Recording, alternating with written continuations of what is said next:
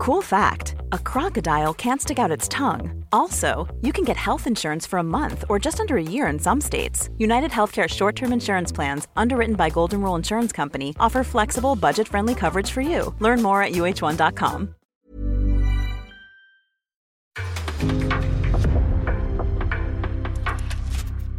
En podcast från Aftonbladet.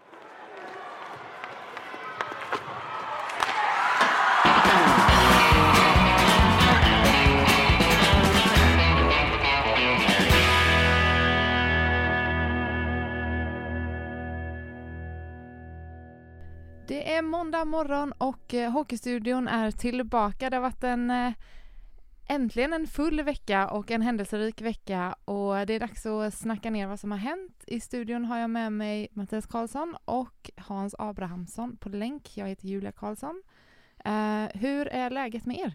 Jo, det är, det är jättebra. Det var en jätterolig andra, andra vecka av SHL och händelserik och många händelser att och, diskutera. Mm. Abris, hur är läget med dig? Ja men tack, det är bra. Lite sådär, eh, man känner att det har börjat rulla igång nu med, med, med matcher och man försöker att sortera alla intryck och det är liksom det är SHL torsdagen, Hockeyallsvenskan fredagen, full omgång SHL lördag. Så att det liksom det är, eh, det är mycket i skallen just nu, känner jag. Ja, alltså jag kan ju känna det själv. Jag känner mig väldigt överväldigad på en gång.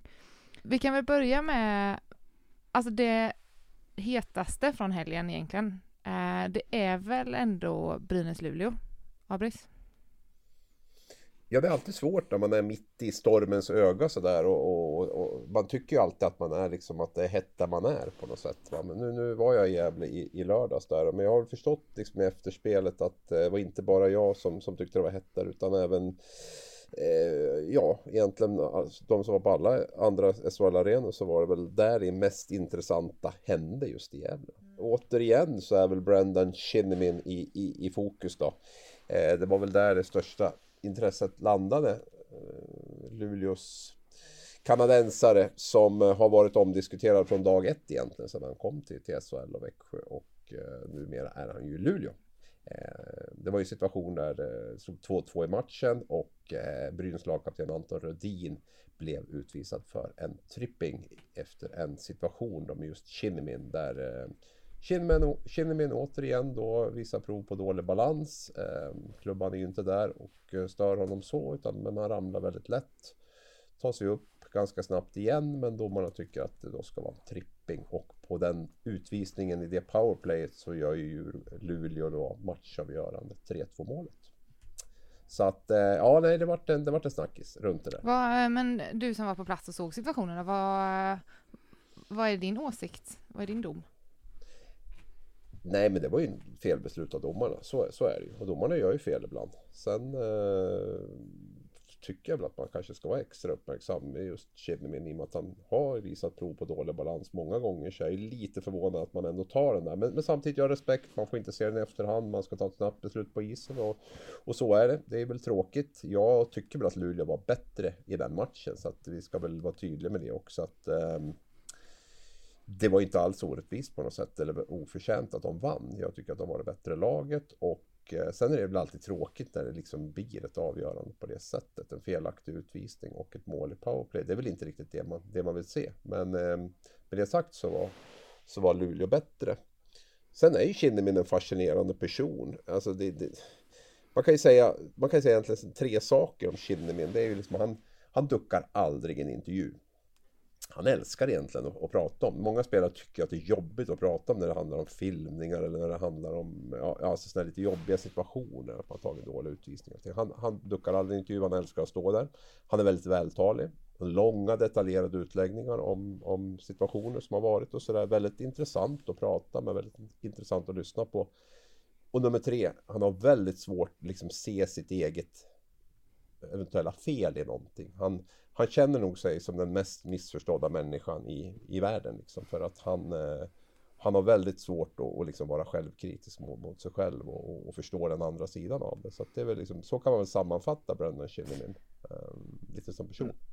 Men för jag... Mm, eller han, han gick väl ut och sa efteråt att han hade sagt till domarna att, att det inte skulle vara utvisning. att Kinnimin hade gått ut och sagt det till dem. Ja, det var väldigt flackande, lite flackande där och det var lite svårt. Han gick ut och sa det, absolut. Och först så var det väl lite grann att det var efter matchen och sen var det att det var i samband med situationen och sen var det lite grann att det kanske var någonstans där mittemellan.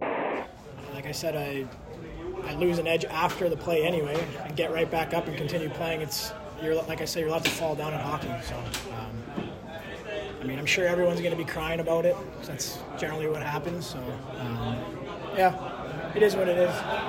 Can't be bothered. So Did you talk about anything with the refs about it? Yeah, yeah, no, I, I talked to the ref after, and yeah, he just said, yeah, there was there was nothing there. I I just made a mistake. I thought I saw a trip, but he he said that I just fell too. So it's not uh, no trip, no no diving. It's just it's nothing. Did you try to change the decision of the refs right off the situation? Well, that. Well, yeah, I said right out. I just said like I don't think that's a, a penalty, but I, am not. I'm not the ref. You know, like it But sucks. It's, that. yeah, yeah. I mean, it sucks. It's a it's a tough call, and it's gone against us that way too sometimes. So I mean, I mean, they just didn't really handle it properly. I don't think they kind of lost their composure. Where maybe if they just focused and you know focused on killing a penalty, it wouldn't have. Yeah, I don't know. When did you say that to the ref on the way out when Anton was Well, I said it. I, I said it fairly quick after, and then after the game. During I, the game? Yeah, and then after the game, I said to him too. I said, "Yeah, like I don't. That's not a penalty. Like I just fall down. There was no trip." So You said that to the ref? yeah, yeah. Och jag, jag ringde upp både Linus Ölund som var domare där och även domarbasen Thomas Torsbrink. Domarna har ju väldigt strikt nu att de får inte uttala sig om någonting. De får inte säga vad de äter till frukost ens en gång utan allt ska ju gå centralt. Eh, Men Torsbrink ringde jag upp i alla fall och pratade med honom om det här för jag tänkte det här måste jag kolla upp då i så fall. Och det fanns, eh, han hade ingen information. Han var på plats i Gävle. Han var nere och pratade länge med eh, domarna efteråt och det fanns ingen ingen sån diskussion överhuvudtaget om att Kinnimin hade varit fram och försökt påpeka det felaktiga med att de tog den här utvisningen. Ehm, Så att ehm, där står vi lite ord mot ord får vi väl ändå säga. Ja, och om, om Kinnimin då är en person som man kanske inte, som kanske har lite svårt att se sina egna fel som du säger, hur, hur troligt är det då att han skulle gå ut och, alltså att han skulle kunna korrigera det på en gång om man säger så?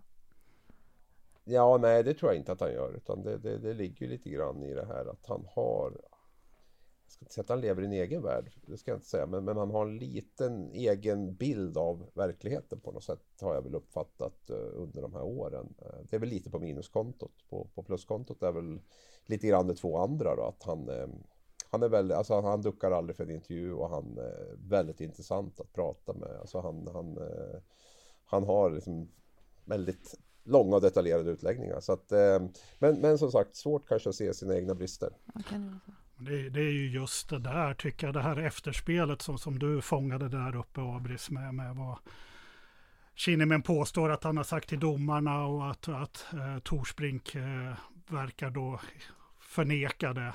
det. Det är ju väldigt anmärkningsvärt eh, tycker jag. Själva situationen, eh, om det är filmning eller eh, felskär är ju hopplöst att, att, att, bedöma. Eller om, eller om det är ett medvetet eh, felskär ska jag väl säga i så fall.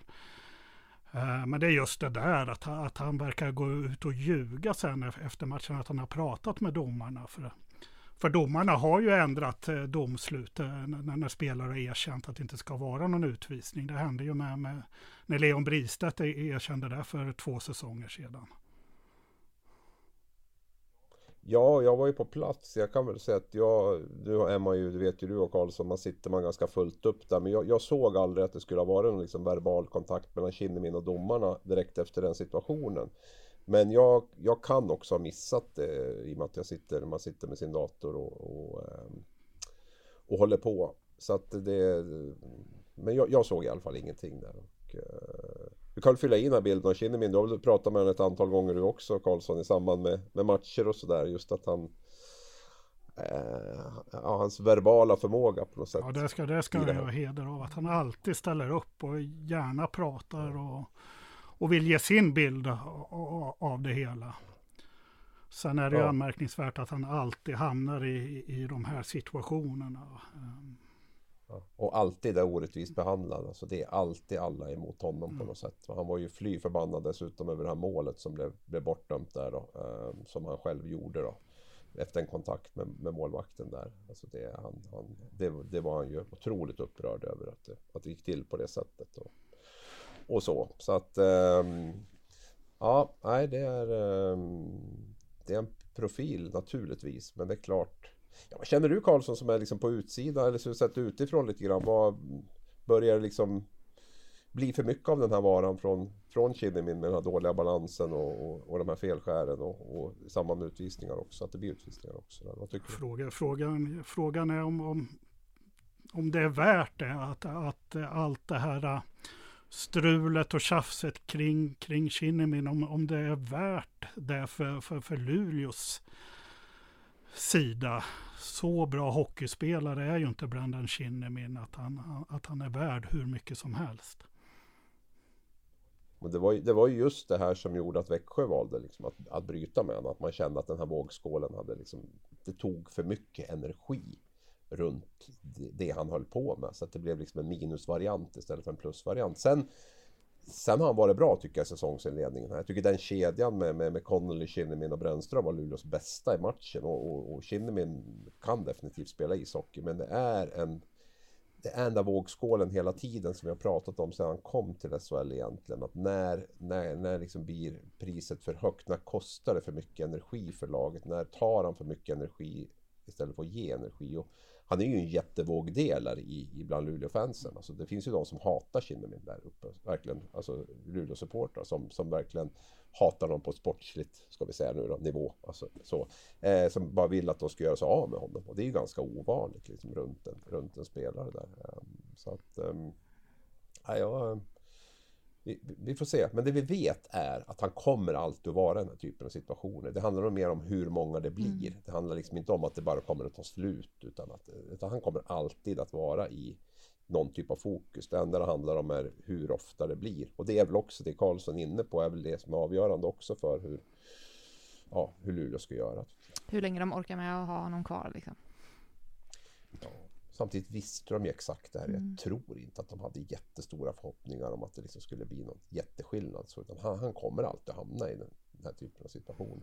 Sedan tycker jag att det, det, är så jobbigt och det är så tråkigt det här att, att eh, det har blivit sån väldig diskussion kring filmningar och att det är så mycket anklagelser kring, kring filmningar hela tiden. Jag satt ju hemma och, och kollade de, de, de sex matcherna under lördagen. och följde med lite på supportrar på sociala medier också. Det fanns ju säkert en tio spelare under lördagen som, som anklagades för filmningar hit och dit. Det är ju jättetråkigt är det, att det har blivit är det, är det, ja, Tycker du att det är ett problem med att det är mycket filmningar eller tycker du att det är ett problem att det diskuteras så mycket runt det? Eller hur känner du, hur känner du det? Ja, det, är ju, det är ju både och. Det har ju alltså förstärkningar och filmningar eller kalla vad, vad du vill har ju alltid funnits i någon form. Men det har ju blivit väldigt, väldigt mycket fokus på den och det kanske, kanske har ökat också. Jag tycker att det, det, det är problem både, både och. Att, att, att det förekommer i, i så stor utsträckning och att, att det blir så mycket fo att, att nästan efter varje utvisning så, så skriker fans på läktarna om, om filmning och så vidare. Det, um. Vad är det som har lett till den här, det här ökade fokuset på filmningar just? Vet, vet man det? Det är ju en bra fråga. Ehm, det handlar väl om att, alltså, elitidrotten väl handlar väl mer om att, att, att tjäna sina millimeter mm. hit och millimeter dit. Och det är väl klart att du har en annan sida av det också där du, där du får göra en hel del utan att det blir utvisningar och där eh, spelare känner att de Alltså att de blir stoppade på ett sätt där man ska gå, ta sig in framför mål till exempel eller vad den kan vara. Så det finns ju liksom en, en, en sida av det också där det kanske borde vara fler utvisningar och där där ser man väl ett sätt powerplay, om vi nu går på hockeyn, är ju en ju tätare och tajtare det är som det har blivit i, i hockeyn så, så blir ju powerplay väldigt, väldigt avgörande. Och lyckas man skaffa sig någon utvisning där um, och, och, kan göra mål i powerplay så kan ju det vara direkt matchavgörande. Sen uh, så att, och det gör väl att, och så är det ju den här balansgången. Det är klart ibland så, så visar man väl upp jag, jag kom inte förbi, han stoppade mig, alltså så. Och sen har du nästa steg kanske att man nästan lägger sig då för att man ska få med sig den där utvisningen. Och sen har du nästa steg då kanske när man medvetet fuskar och, och, och lägger sig. Och det där tror jag liksom, det är en kedja lite grann som eller en utveckling som blir lite grann att man drar det lite, lite längre hela tiden. Vissa spelare drar det lite längre för att få med sig den där utvisningen. Det här med vad som är en filmning eller en förstärkning kan ju vara väldigt olika om du pratar med Joel Lundqvist eller Brandon Kinnamin. Alltså, mm. förstår att alla har ju sin egen uppfattning om, om vad som är en förstärkning och vad som inte är en förstärkning också. Så det handlar, handlar också, hamnar ju också på ett individuellt plan i det här om man, om man går tillbaka till Kinnimin då, alltså finns det någon, finns det någon tanke om att han medvetet eh, filmade? Alltså, det går ju inte att bedöma tycker jag. Jag tycker ju, jag tycker att det ser ut som ett väldigt tydligt felskär. Att han, han trampar på utsidan av skridskon där. Men jag tänker väl också att man kan göra det medvetet. Men, mm. men det, ser, det ser ju inte ut så. Och i grunden så är så, så alltså Brynäs och fans och alla är ju upprörda på Kinnimen men det är ju oavsett om, om, om det är en filmning eller ett felskär så är det ju domarna som, som har tagit ett, mm. ett felbeslut. För att det skulle inte vara en utvisning och, som då avgjorde matchen och det, då får det ju extra stort fokus. Mm. Sådär. Hur, hur länge har vi pratat film nu? ganska länge tror jag, men det, men det är ganska intressant tycker jag, för jag tänker det följer väl, alltså det följer en ganska äh, jag tänker typ idrotten i stort känns som att det följer en, en, ganska samma mall när det kommer till filmningar och granskningar och att, att allting blir mycket mer hela tiden och jag vet liksom inte riktigt när det kommer ta slut. Hänger ni med på hur jag tänker?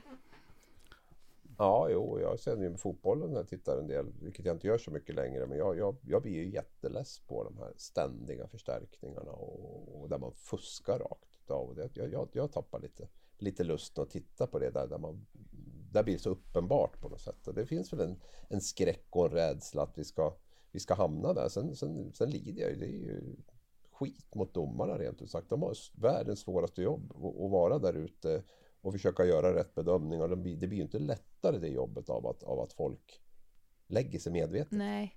Nej, det är sant, men jag tänker väl också lite på det här att det, det tar så lång tid att liksom granska mål och sånt ibland. Att det är liksom så här, ja, ja. jag vet inte, någonstans så äh, tappar man väl, eh, det, det tappar ju lite.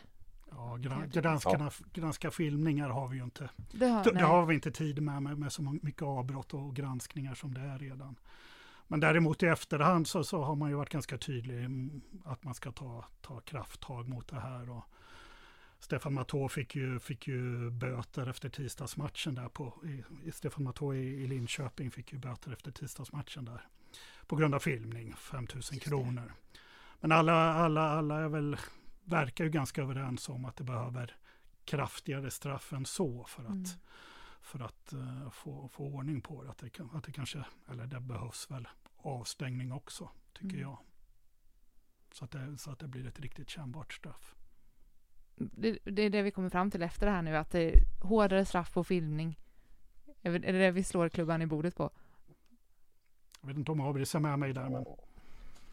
Jo, alltså det, det, kan man ju absolut göra. Sen är det ju alltid så, så uppenbara filmningar, absolut. Straffar det hårt. Sen har vi ju en, en gråzon då, vilket som är en filmning eller inte en filmning. Kinnemins bedömdes ju som ett felskär då, i och med att han inte blev anmäld.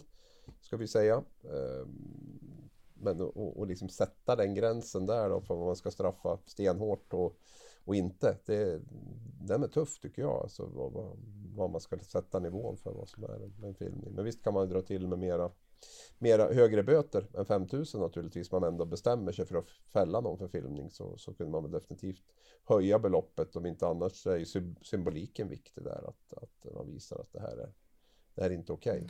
Ja, när, det gäller, när det gäller bestraffningar av filmningar så måste det ju finnas någon någon väldigt tydlig gräns att det, det är utom allt tvivel att, att, att det är en filmning. Mm. Det är såklart att det är en bedömningssak men just i, i det här fallet med Brandon Kinnamin så går det ju inte att, att fastställa vad är det man säger i domstolarna utom rim, allt rimligt tvivel, att, att det är en filmning och därför, därför blir det ju inget, ingen påföljd på det heller.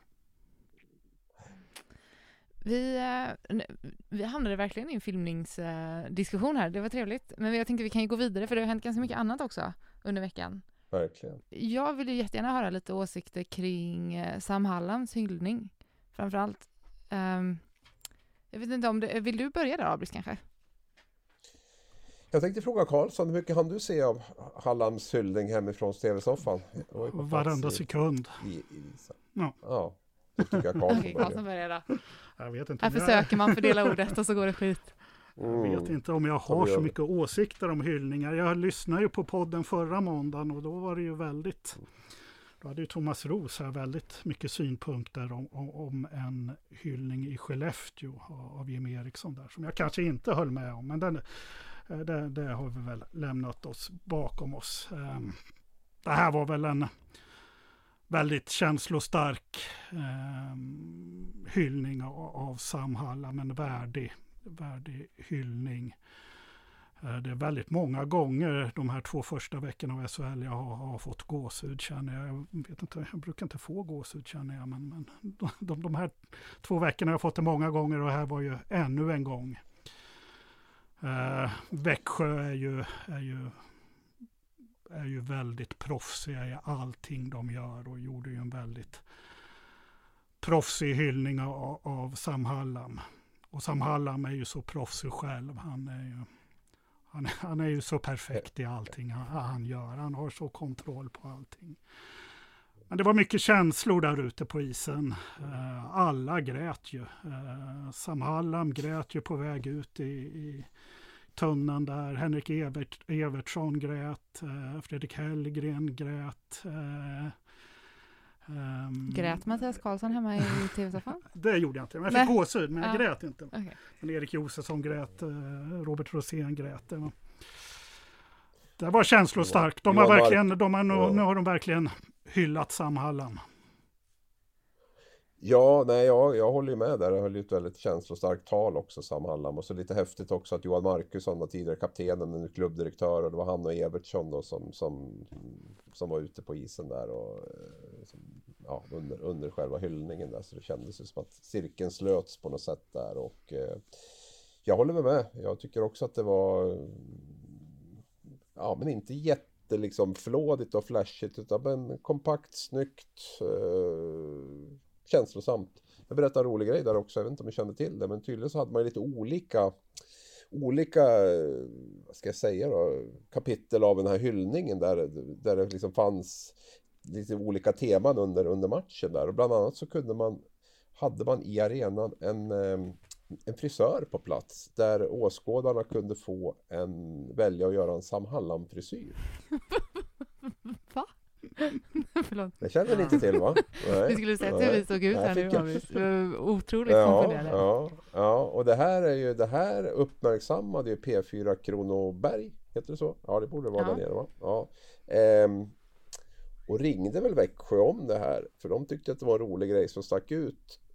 Eh, men Växjö tror jag inte tyckte det var lika roligt att de fokade på just det i den här mäktiga stora hyllningen. För de ville göra ett reportage om det här inför då lördagen. Så där, typ att det här var ju en... Eh, och det där tyckte Växjö var lite konstigt att de, att de eh, gick i, och även Sam, jag pratade med honom i veckan och tyckte det var lite märkligt att, de, att det var det som skulle vara stora fokuset på att det fanns en frisör som gjorde en Sam Hallam frisyr under den här dagen, då, stora dagen där.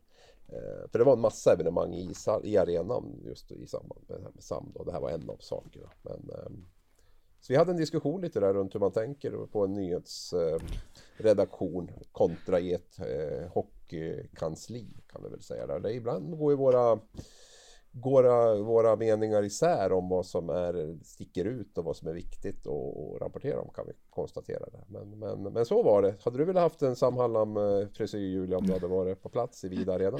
Nej det hade jag inte men jag tycker att det är underbart den som kom på idén att de skulle ha en frisör där. Ja. Um, ja. Jag vill absolut höra om, om frisören. Vem, vem kom på den här idén? Det är ju toppen. Vilka, vilken hockeyprofils frisyr vill du helst ha Hans Adamsson? Eh, ja, det var ju en... eh, Men Jar- Jaromir Jagr har väl alltid varit liksom en sån dröm typ att, att ha den då. Det är ju, det är ju ett historia och kunna skaffa det numera då. Men, men, men hans, eh, hans frisyr tycker jag ändå har, har stuckit ut genom, genom åren. Med betoning på stuckit ut då under, under hjälmen. Badabam-bam. Ehm, ja men det är ju Gud, nu blev, jag blev liksom så här, jag vet inte hur jag ska gå vidare från den här informationen om att de hade Nej, fyra. så, här är det att podda med oss. Det är, man tar grejer på uppstuds. kommer små överraskningar ibland. Så man får vara, beredd att hantera.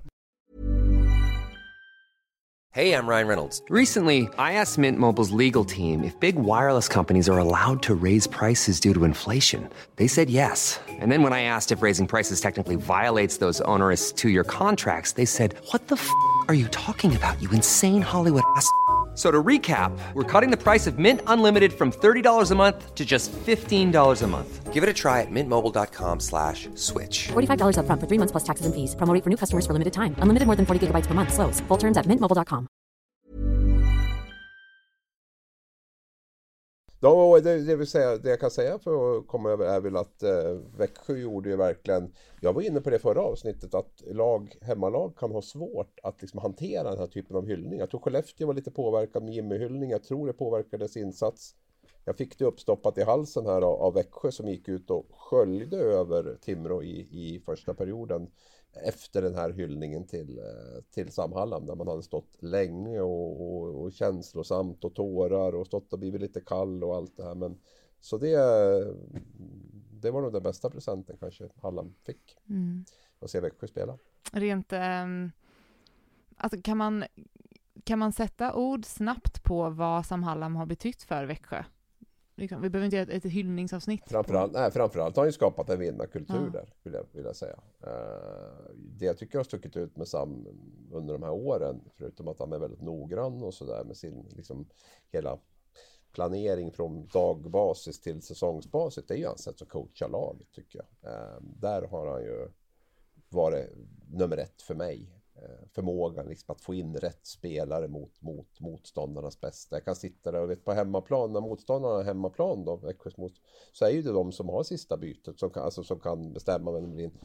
Men sen när man sitter där och tittar, lik förbannat så är det Halland som har styrt. Alltså som har, som har liksom fått in rätt spelare ändå, trots att han inte har liksom den eh, fördelen om man säger så på bortaplan. Så att det, eh, det, det, det, där har han varit i, i en klass för sig tycker jag. Eh, det har ju också, det tror jag varit väldigt avgörande för Växjö. För ett slutspel inte minst är det ju otroligt viktigt med, med matchningen och, och matchplan. Det såg vi med Mitell när han kom in i Färjestad nu också i slutspelet där. Så, så eh, tycker jag att han coachade bort stora delar eh, motståndarna under, under, under finalserien. Eller under slutspelet. Plus att han hade ett bra lag naturligtvis. Men, men, men sättet han kom in och, och, och hade liksom lite olika matchplaner om man mötte Skellefteå eller om man mötte Rögle eller om man mötte Luleå och liksom hur de lyckades genomföra den. Det, det imponerade. Och där tycker jag Sam, Sam Hallam har varit i, i framkant. Har du något att tillägga? Nej, det, det, det Ab- Abrahamsson förklarar det bra. Mm. Det, men det är ju, det är ju, det är ju den utvecklingen som, som Växjö har haft under de här tio åren med, med eh, Sam Hallam. Eh, det, var, det förklarades ju, det, eller gestaltades bra i, i ett tal där på, på isen att Växjö var ju en väldigt liten fisk i, i Hockey-Sverige när, eh, när, när Sam Hallam och Evertsson och de här kom in. Men på tio år så har de tre SM-guld. Finns det något, något lag just nu som, man, som skulle kunna göra en liknande resa tror ni? Om man kollar nu och sen så tänker man om tio, det är en jättesvår fråga, jag inser detta själv. Om man kollar nu på, på lagen och så tänker man om tio år, tror ni att det kommer finnas någon ny liksom Sam Hallam, Sam Hallam Växjö historia? Jag tror faktiskt Nej. inte det. Det säger jag inte bara för att det är väldigt svårt att på uppstuds komma på någon. Men, men den prestationen de har gjort och gå liksom, man började i division 4 där i början på 2000-talet typ och, och tog sig i rask takt upp till SHL och sen leverera tre SM-guld på, på, på kort tid, inte på sju år eller någonting, typ sju säsonger. Om det ens är det det, nej, jag, jag har jättesvårt att, att se att det ska hända faktiskt. Ja, det är jättesvårt att, att komma på något sånt exempel i en, Förlåt, nu i, satte jag verkligen... en Ja, hyfsad, är hyfsad ju- ju- storstad så, så, som har resurser och som kommer från ingenstans. Det, det finns ju andra klubbar som, som, som har tagit stora steg och etablerat sig i, i, i SHL som, som Rögle här nu senast. Men där finns det ju en samtidigt en hockeykultur sedan, sedan lång tid tillbaka. Och just bara ett etablerad, superetablerad klubb och, och, och vinna då tre SM-guld på, på, på sju säsonger, det är ju det är just nu på omöjligt bara det liksom. Frölunda, Skellefteå, de här har ju försökt va, och lyckats med två. Eh, och att då liksom komma från, från division 4 liksom, och, och gå hela vägen och, och lösa det på, på det sättet. Det, nej, jag tror att Växjös resa är unik och jag tror inte att vi kommer att få uppleva något liknande. Och det tycker jag lyssnarna ska ta och leta reda på i, i det här poddflödet. Din intervju som du gjorde med Henrik Evertsson för ett eller två år sedan. Den, den var jättebra. Den är, den är värd att lyssna på fler gånger. Det var bara ljudet som var dåligt. Innehållet var... Innehållet var bättre. Ja, ja nej, men Evertsson är en fascinerande person. Han är ju naturligtvis en jättestor del i det här också. Eh, sportchef Henrik Evertsson. Och det är hans sätt att jobba och vara har betytt också otroligt mycket Mm. naturligtvis. Kanske mest av allt. Eh, får jag göra en side, eh, vad säger man, en side note här på Växjö för övrigt? Ehm, Du får göra precis ja men jag vad du vet, vill. men Du det ibland, Mm. för jag tänkte på um, Jörgen Jönsson. Eh, var ju tillbaka i Karlstad i veckan väl?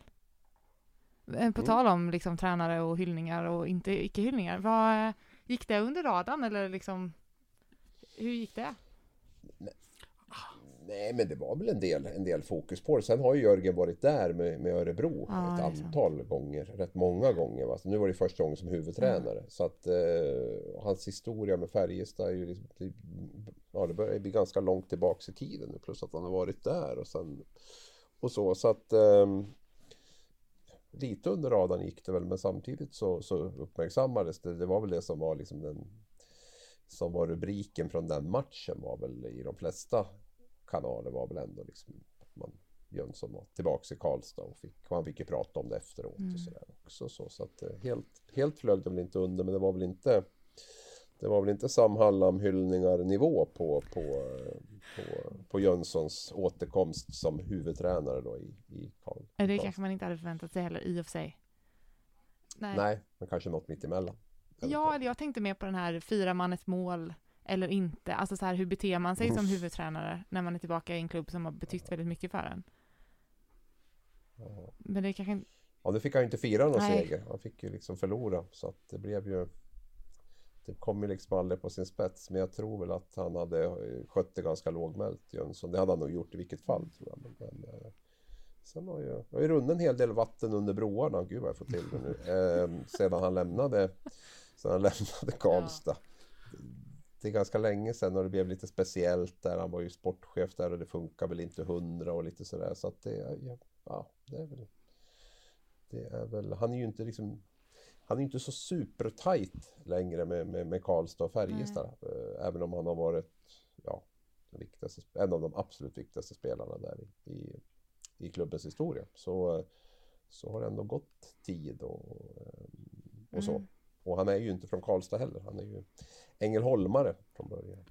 Ja, Just, just det Ja. att han, han var tillbaka i Karlstad tycker jag inte heller det var, var så speciellt. Men däremot tycker jag det är väldigt speciellt att följa Jörgen Jönsson som, som huvudcoach då för första gången i, i SHL. Eh, det tycker jag är jätteintressant att och, och, eh, kolla in. Dels hur, hur Växjö förändras, om Växjö förändras eh, gentemot tiden med, med Sam Hallam och, och också hur, hur Jörgen Jönsson då som har varit väldigt hyllad som, som assisterad coach både i Växjö och Örebro, hur, hur han då funkar som, som huvudcoach. Mm. Det ska bli... Eh, det ska bli spännande att följa någon annan som är spännande att följa. Jag kunde inte undvika att notera att Dahlén också gjorde sitt första SHL-mål i veckan nu går jag väldigt off liksom från helgens matcher här, men eh, Mm. det var ju kul. Jag har en liten Dahlén-score här, tänkte jag. ha. den, den, får jag dra, för jag var ju på plats i Timrå. Jag Du var på plats? Jag var, det var ju helt, helt fantastiskt tycker jag. Ja. På snack om gåshud, men eh, det var fantastisk inramning och supportrarna slöt verkligen upp där. Men det, var, det är nog det jag minns allra mest från, från förra veckan. Det är ju den här twisten som, som är i matchen. Tyretti då, på, på, på tal om, om eh, profiler som kommer tillbaka. Han var ju Timrås bästa målskytt förra säsongen. Kommer ju då tillbaka eh, och, och spelar för Linköping och eh, gör då 1-1 målet. Och väljer då att, att eh, jubla mot Timrå-fansen. Han slänger sig mot eh, plexiglaset på, på, på kortsidan mot, mot ståplatspubliken. Och det rörde ju upp eh, väldiga känslor där, att han gjorde det i, i återkomsten. Men då ganska strax eh, efteråt så, så gör ju då Timrå 2-1. Och då så Jonathan Dahlén gör ju målet då, hans första i, i Timrå. Är på väg att fira inåt mitten men kommer på sig själv och eh, vänder om och härmar Tyrettis eh, målgest. Eh, upp eh, mot, mot klacken där på, på, på kortsidan. Och eh, pratar lite med, med honom efteråt om det och det var ju väldigt medvetet. Mm. Men eh, Jonathan Dahlén är ju en sån, sån eh, lirare, en, en bohem. Liksom. Så för honom fanns det ju liksom ingen ilska kring det, utan han tycker ju bara att det är en rolig grej att, att, att, att härma Tyretti när, när han gjorde på det sättet. Mm. Och det, det fanns ju väldigt, väldigt symbolik i det då, att, att, att, ehm, att efter Tyretti gör mål för Linköping så då så kliver Jonathan Dahlén fram och gör 2-1 målet för, för Timrå strax efteråt. Hur, hur häcklad var Ratti ja, innan han gjorde sitt mål under matchens gång då så att säga? Hade la Timrå-klacken något, något fokus på honom? Och- Nej, det gjorde det, det, det, inte, inte vad jag märkte av, utan eh, det, Nej, okej, verkar ju egent- egentligen ändå inte finnas några sådana känslor. Och jag stod och tittade lite efter matchen när, spelarna tackade av varandra och sådär också. Och det, de flesta Timrå-spelarna kramade ju om Tyretti efteråt. Då, på ett väldigt hjärtligt sätt. Till och med Anton Lander då, som, som inte var i, i Timrå förra säsongen kramade, Nej, krama, de- de är ju- kramade om och snackade länge Ja. med, med honom. De är ju bra polare. Ratti, jag gjorde en intervju med Ratti förra året och då berättade han för mig när han kom till Lokomotiv var det väl i Jaroslav där i, i KL så var det ju Landers familj som, som tog om hand om honom eh, på ett väldigt bra sätt. Då. Så han uppskattade det ju det väldigt, väldigt mycket. Eh, och en stor anledning till att han valde Timrå förra året. Sen är det ju jätteöverraskande att han, jag var ju helt säker på att Ratti skulle spela i Timrå i år i och med att eh, Lande kom tillbaks då. Jag tänkte att han vågar väl inte byta klubb nu när Lande kommer hem. Men, men eh, nej, där var det money talks i första hand. Eh, fick han väl ett långt kontrakt också med Linköping, jag tror det var tre år de skrev. Jag vet inte om Timrå inte var beredd då att gå så långt. Så, så måste det ju ha varit. För Tyretti sa ju där att han skulle vara kvar i, i när det Ja, var några matcher ja. kvar. Så att, ja. Ja. Men, men, Ja, jo, men Jonathan Dahlén sa ju efter matchen också att, att Timrå har så mycket att och, och, eh, tacka Tyretti för. Han, han är en hjälte här. Mm. Så att, Mm. det var väl, Ja, det har var, det var väl just den där målgesten som var lite ogenomtänkt. Ja, det var lite onödigt tycker jag när man inte har... Hade, skillnaden om man hade hånat honom under matchens gång, då har jag kunnat köpt att han kanske ville ge igen lite, men annars var det där lite... Lite, men han, det kanske gick av, av farten bara. Han van att och, och jubla inför Timrå-fansen där efter ett mål, så han kanske, kanske glömde bort. Så jag tänkte att han hade Timrå-tröjan på sig. Ja, Han sa efteråt till mig att han tycker så mycket om dem och de har betytt så mycket för honom. Men Det blir ju lite fel ändå. Det blir det. Kanske var en kärlekshandling Ja, det är ju så han ville mena på, men, men Ja, det ja, togs ju ja, inte, togs ju inte rätt av de som stod där i alla fall. Nej, han blev irriterad. Ja. Han kanske ville väl. Han ville väl. Han ville väl, men visade fel kanske. Ja, det kanske blev fel. Ehm, men om vi tar oss tillbaka till eh, helgens matcher lite grann. Ehm, jag vet Abris att du kanske var lite sugen på att prata om uh, Pudas?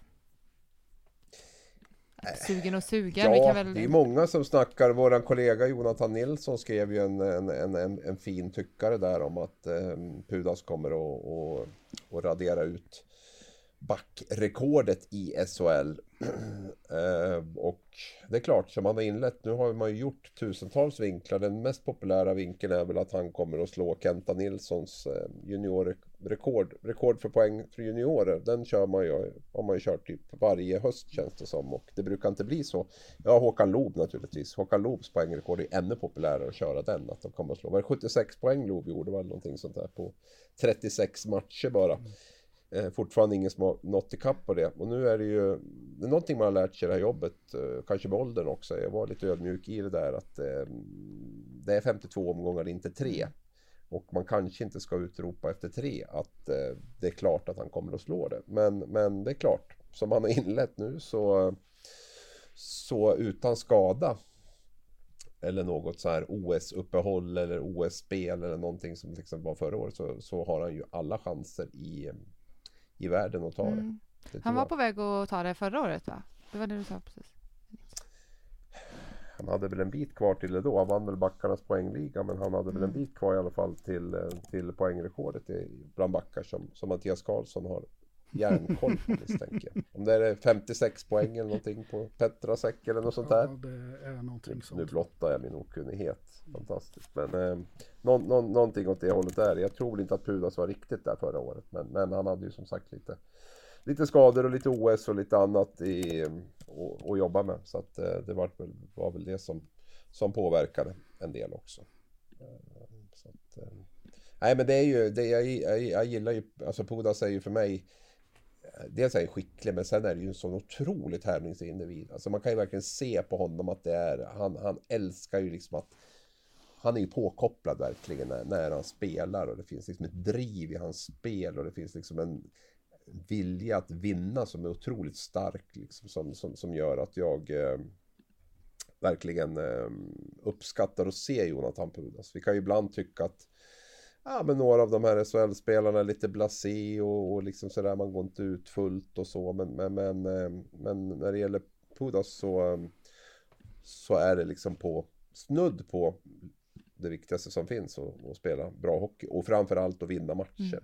Det är ju liksom hans, så, så det, det, det är ju det jag uppskattar och han, eh, han var bra förra året redan. Eh, Han känns ännu bättre i år och Skellefteå känns eh, vassa efter det där lilla bottennappet, om man nu kan kalla det för det ens, i premiären där mot Malmö. Men de har förlorat i den i alla fall efter en lite svagare insats så har man ju tagit två imponerande segrar nu mot både Linköping när man körde över Linköping och även var klart bättre än Rögle i, i, i lördags. Att det, är, det är ett lag som kommer att vara med högt upp i, i, i tabellen. Det är inget snack om det. Det, Och, ehm, ja. det som jag impo- imponeras av när, när det gäller Jonathan Pudas är ju också att han gjorde en katastrofal första match där. Eh, Ja, eh, just det. 5-2 förlusten där hemma mot, mot Malmö. Där, ja, han tog väl på sig förlusten själv efteråt. Han spelade ju fram till, till, till något, ja det var väl 3-2 målet där till Malmö. Och, eh, jag var väl inne på tre, tre baklängesmål tror jag och satt utvisad på, på något också. Och sen kom han ju tillbaka då i tisdagsmatchen i, i Linköping där jag var och dominerade ju fullständigt där. Då var väl ett mål och, och, och två assist i den matchen. Um, så att det, på, på det sättet han, han kommer igen och ha, har den mentala styrkan och sen var han ju, var han ju lika bra i, i, i lördagsmatchen här då i segern mot Rögle. Och det är ju hans, eh, det är ju hans styrka tycker jag just det här att han, han, han, han blir ju inte feg om han misslyckas i en match eller i en sekvens eller vad det är. Utan han gör ju sin grej ändå och vet att det i längden så kommer det att, att löna sig. Eh, han, han, eh, han har ju liksom den approachen till det där att han blir ännu mer förbannad om man, om man misslyckas med en grej och då ska han liksom vara ännu bättre. Och oftast är han ju det också. Så att han är ju, drivs ju mycket av liksom revansch också och göra det ännu bättre hela tiden. Mm, det ska bli spännande att följa och se hur det går för honom. Um, Vad är det något annat efter, nu har ju liksom SHL ändå nu har det rullat igång ordentligt. Liksom. Är det några, finns det några utropstecken eller varningstecken från de första omgångarna nu?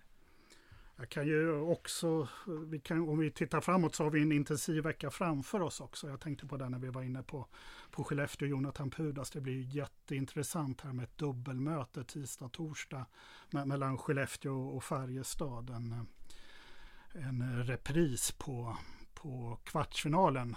Det var ju en rätt grinig kvartsfinal där förra året mellan, mellan de här två lagen och nu ska de mötas då i dubbelmöte tisdag-torsdag. Och det blir också en match i matchen där mellan backgiganterna Jonathan Pudas i Skellefteå och Theodor Lennström i Färjestad som båda har gjort sånt avtryck i inledningen av den här säsongen. Och det där är ju häftigt tycker jag med de här att de möts tisdag, torsdag nu. Dels att det är liksom ett tungviktsmöte. Det är två lag som vi allmänt har tippat väldigt högt upp och sen att de möts tisdag, torsdag. Det, där håller jag helt med. Det är ju det, är ju det man verkligen ser fram emot i, i veckan. Här får vi väl ge Strandmark beröm då han som sätter eh, spelschemat. Att, eh, det här känns som en liten häftig trigger en måndag morgon när september är på väg in i oktober. Att, så att man kan se lite grann på de här ser fram emot de här två mötena framför mm. allt. Sen finns det ju mycket annat intressant. Och det är klart att det är, ju, det är ju som har varit inne på tidigare många gånger att det, det, är ju, det kommer ju att bli jämnt. Och jag menar, det är ju ingenting i, i inledningen av serien som, som eh, säger emot det. Vi har liksom Färjestad i topp på sju poäng och sen är det Brynäs på två poäng i botten där. Och så är det lite olika antal matcher och så. så att det, det är inget lag som, som man känner att wow, de här kommer bara dra iväg eller de här kommer bara bli avhängda i botten. Mm. Um, så att eh, tittar man på varnings... Alltså det är väl klart att det enda man kan se så här långt så är det väl liksom att man, det är väl lite frågetecken runt, runt, eh, runt Linköping. Det är lite frågetecken runt Brynäs. Det är... Eh, ja, HV71 funderar man lite grann var de står. Det är väl de lite små, små slutsatserna man kan dra så här långt. I andra änden så tycker jag ju att Färjestad har känts stabila. Eh, Luleå kommer att vara jättejobbiga att möta precis som vi har väntat och Skellefteå kommer att vara, vara bra. Det, det är väl det vi kan se. Rögle är lite inne på att jag tror att de skulle behöva få in någon spelare till för att vara med och, och utmana rejält i den riktiga toppen. Även om man gjorde en jättebra match i Luleå så tror jag att över, sikt, över tid så behöver man få in någon, någon, någon spelare till. Mm. Vem, skulle, vem skulle de behöva få in? Om du fick drömma? Eller, ja, det där är Du fick gissa? Är svårt. Ja, nej, det är svårt tycker jag. Jag tycker att man behöver ha egentligen både en back och en forward in. Nu har jag stora krav på Rögle. Man, vi pratar om att man ska liksom vara bättre än förra året eller lika bra som förra året när man vann CHL och serien. Och, och tar det där sista klivet och vinna SM-guldet, då tror jag att man behöver ha in både en, en, en back och en, en, en, en forward. Sen, sen vem? Ja, Leon Bristedt gör en Ted Brithén kanske var tröttnar på livet i Schweiz och, och, återvänder. Det vore väl en, en, eh, en häftig spelare för, för, för Rögle att få in. Eh, sen finns det ju en del, en del backar naturligtvis också som, som kan komma att bli, bli, bli lediga här framöver. Men jag tror, jag, tror, jag tror inte Rögle är färdiga med sitt lagbygg alls. Varken ekonomiskt eller, eller till numerär. Jag tror man har pengar kvar och jag, man har utrymme också i, i antal spelare att få in mm. till. Jag tänkte vi ska ta sista, um, sista svängen här nu och kanske vända blicken lite mot Hockeyallsvenskan. Uh, för det drog ju igång i fredags med full fart vill jag säga på en gång. Ja men Karlsson, du var ju på plats. Jag var på, på plats på Hovet på, på fredagskvällen. Ja. Det var premiär i Hockeyallsvenskan och det var Djurgården-Västerås inför ett utsålt Hovet. Och det var väl än en gång under de här två veckorna som, som jag fick gåshud för det var, det var otrolig stämning där också. Um, jättefestlig kväll, jätte, alltså. Och Djurgården gör ju Djurgården gör ju en fantastisk match tycker jag, även om, om de är på väg att, tappa det då. Um, leder ju med 3-0 men det är inte långt bort att, att, eh, att Västerås de kommer upp till 3-2 i alla fall och har ju ett 5 3 i nästan två minuter där. Där eh, det är väldigt nära en kvittering. Men eh, Djurgården gör en jättebra match tycker jag. Det var verkligen järnkaminsanda mm. över det här laget igen. Och eh, någon som verkligen stack ut det var ju Marcus Kryger som är ju en helt egen liga i, i, i den här ligan. Det är ju spelare som, som hade dominerat i, i SHL. Han, han spelar ju i alla spelformer. Han spelar ju powerplay, eh, gör jättenytta i 5 mot 5 naturligtvis och är ju inne där och täcker skott på skott när, när, när det är 3 mot 5. Och spelar ju fram till, till, till ett par av målen framåt. Så att, um, ja, blev verkligen imponerad av, Marcus Kryger och, och, och Djurgården som, som helhet. Mm.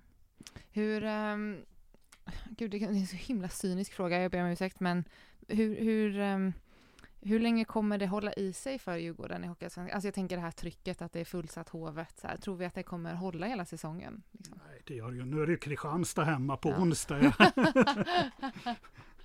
då, då sätts väl kanske Djurgården mer på prov mot, mot ett äh, svårspelat fysiskt äh, Kristianstad. Det, mm. det, tror jag även om, om Västerås är ett bra lag. Mm. Jag tycker också att, att det här var väldigt roligt för, för, för fansen att få uppleva det här. Alltså, jag satt och tänkte på, på hur en Djurgårdspremiär i SHL kunde ha varit. Det kunde ha varit 1-2 mot Oskarshamn i förlängning och Dick Axelsson hade snackat till sig en, en ett matchstraff i periodpausen och, och så vidare. Uh, med tillknäppt spel och så vidare. Här var det ju öppna spjäll åt båda hållen och riktig vilda västern hockey. Och, mm, hände massor i matchen. Mm.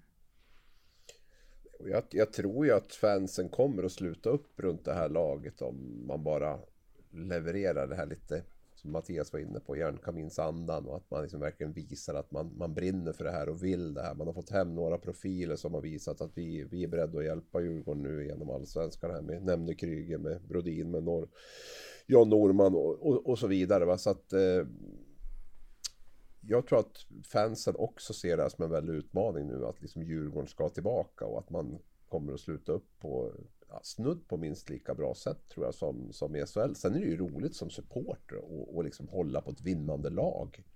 Ehm, ett lag som vinner mycket mer matcher än vad man förlorar. Sen om det är en division under det är klart att man kan inte hålla på sig i tio år. Men, men, men just en sån här säsong med tanke på att det har varit väldigt eländigt. Liksom, ja, sen finalen 2019 så har ju liksom kurvan gått rakt neråt och, och inte minst förra året. Då, så, så var det ju liksom lite halvdeppigt att gå och se Djurgården kan jag tänka mig om man var supporter. Det var, kunde det ju vara även som, som, som reporter eh, ibland. Så, där. så att jag tror att de tror, inte man be, tror inte att det behöver vara så illa att vara i Hockeyallsvenskan. Sen har man ju viss konkurrens med fotbollen nu under hösten. Det har man ju alltid. Och inte minst nu när Djurgården går så, så bra i, i fotbollsallsvenskan. Då. Så att, men, eh, jag tror det kan bli en riktigt häftig vinter på, på, på Hovet och en, en ett häftigt lag också som, som det kommer liksom att, att svänga runt med allt från Olle Liss prickskytte till Krygers briljans till de här unga eh, unga trio med Läckermäki, Östlund och Ögren där. Alltså det, det, finns ju många det finns ju många faktorer som, som, som borde trigga supportrarna. Och inte minst då resan. Målet med resan på något sätt.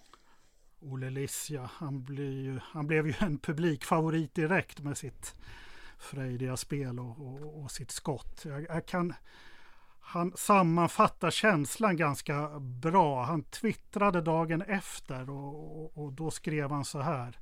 Detta var något annat. Man kände sig som en knatte som fick åka ut till sin första A-lagsmatch. Svårt att åka ut och se cool ut när smilet satt ända upp till öronen. Jösses vilket tryck. Och då har ju ändå Olle Liss varit runt en del. Han har ju varit i Björklöven som, som är kända för sitt publiktryck under tre framgångsrika säsonger här. Så att det, det speglade väl ganska bra känslan den här fredagskvällen tycker jag.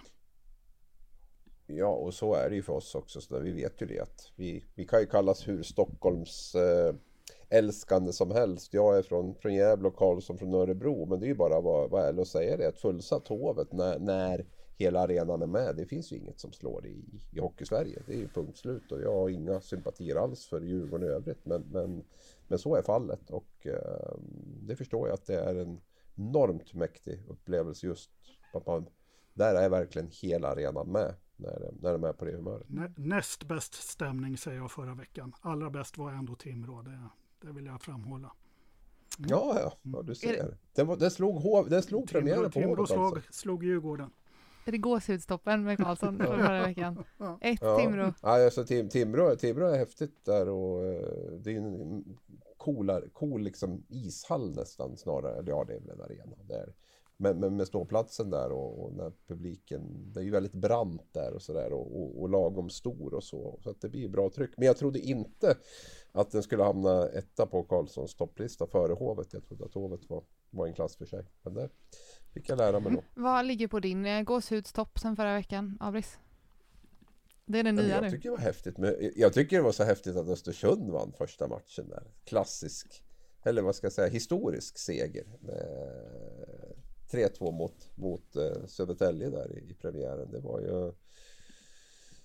Det tyckte jag var häftigt. De har ju aldrig varit på den här nivån tidigare och eh, dessutom få vinna första matchen på, på, på, på hemmaplan inför eh, bra mycket folk också. Så där. Det, det, det sätter ju lite... Jag har ju faktiskt inte tippat Östersund på, på kval. Jag är en av de få som, som inte har gjort det. Så att, eh, med den här starten så hoppas jag att de, att de rider vidare på det och eh, kan sätta lite färg på den här serien. För att eh, det är alltid bra när, när ishockeyn vinner nya regioner eller nya områden eller nya städer. Och, eh, där har Östersund en, en viktig uppgift att göra. Vi, jag har inget emot Småland men, men eh, vi kanske inte behöver ha fem lag i Allsvenskan och typ två i SHL eller tre.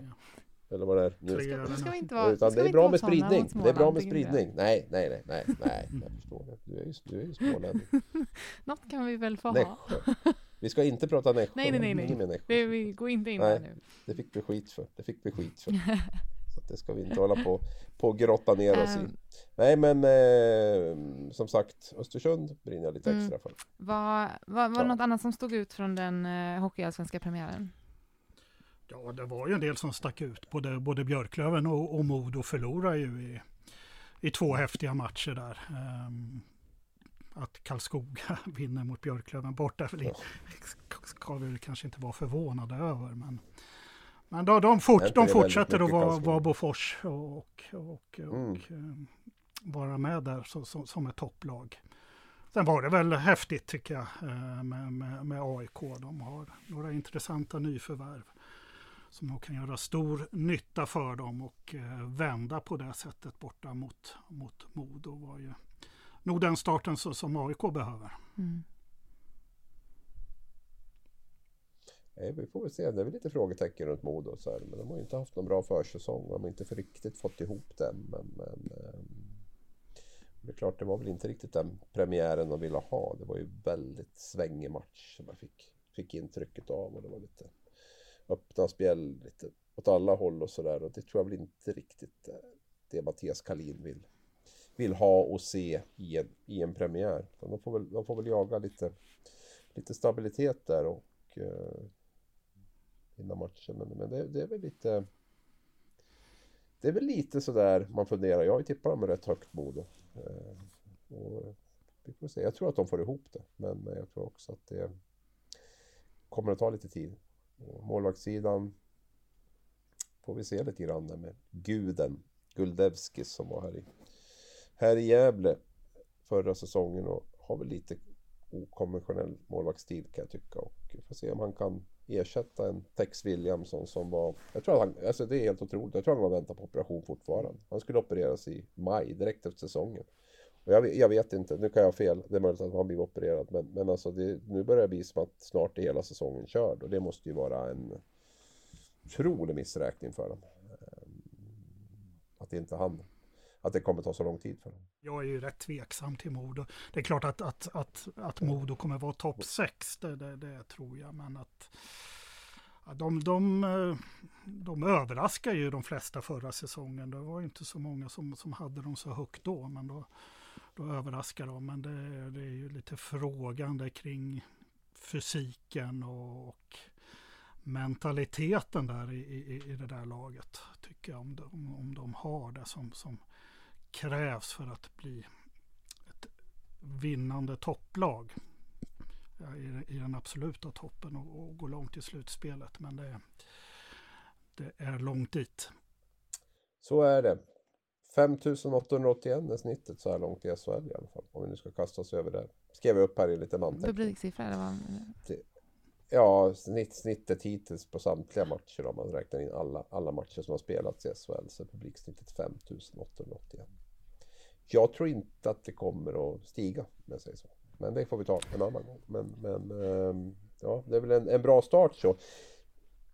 Nu nämnde vi inte det med Sam Hallam där, men jag är också lite så vi pratade om det med, med, med, med det här med att, att ha hyllningar i premiären kanske liksom lite förvånar mig på något sätt att, att eh, både Skellefteå och Växjö har valt den, den eh, vägen då med, med hemmapremiär och, och ta hyllningar redan då. Man tänker att en hemmapremiär säljer ut ganska bra ändå och att man kanske spar det här kortet med hyllningen till en sån här novemberomgång eller någonting när det är liksom, man möter ett lag som inte är så attraktivt och ja, för hemma och skådan och komma och titta på. Men, men eh, ja, nej, jag vet inte. Vi får se. De kommer att få och jobba stenhårt framöver. Men alltså, kan inte det, äh, tror ni inte att det kan ha att göra med att man vill typ safea då?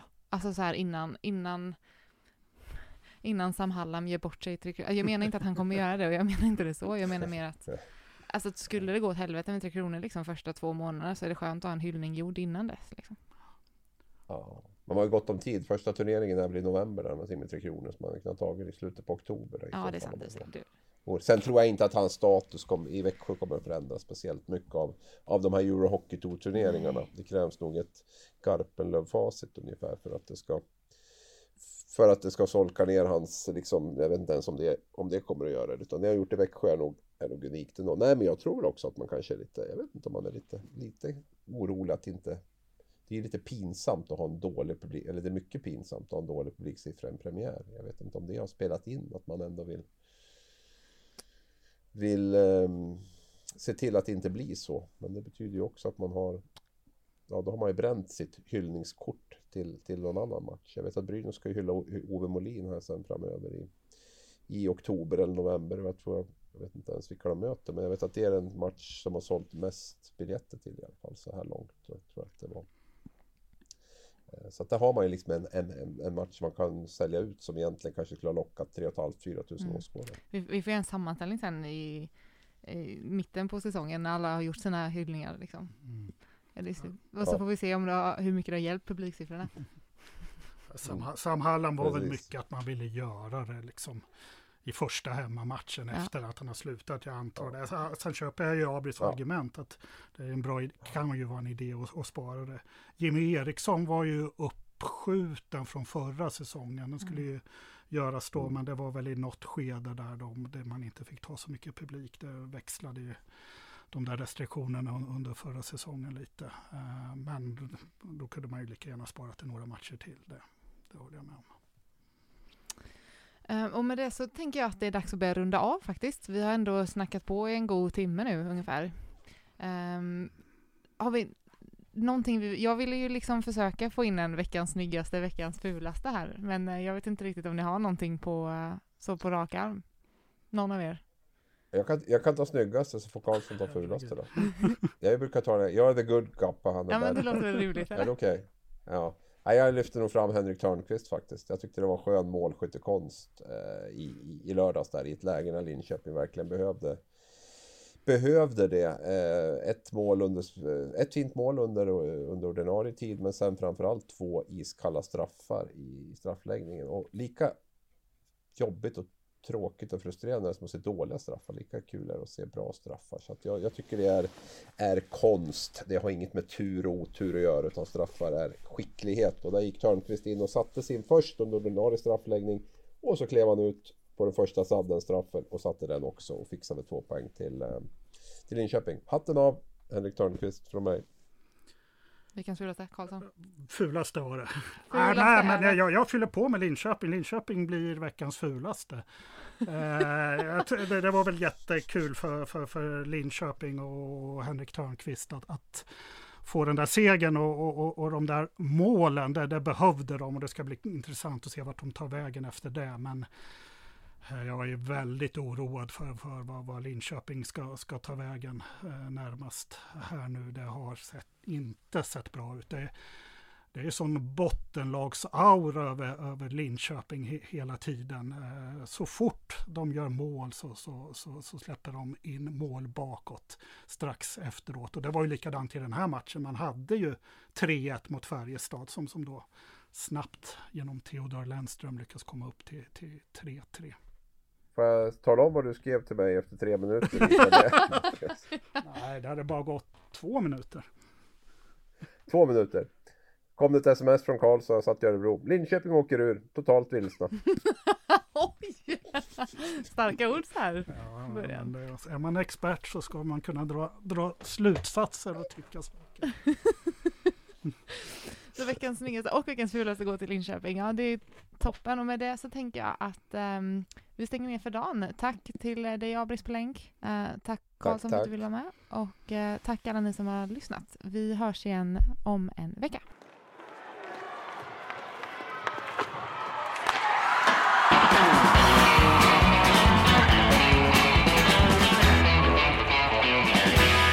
Du har lyssnat på en podcast från Aftonbladet.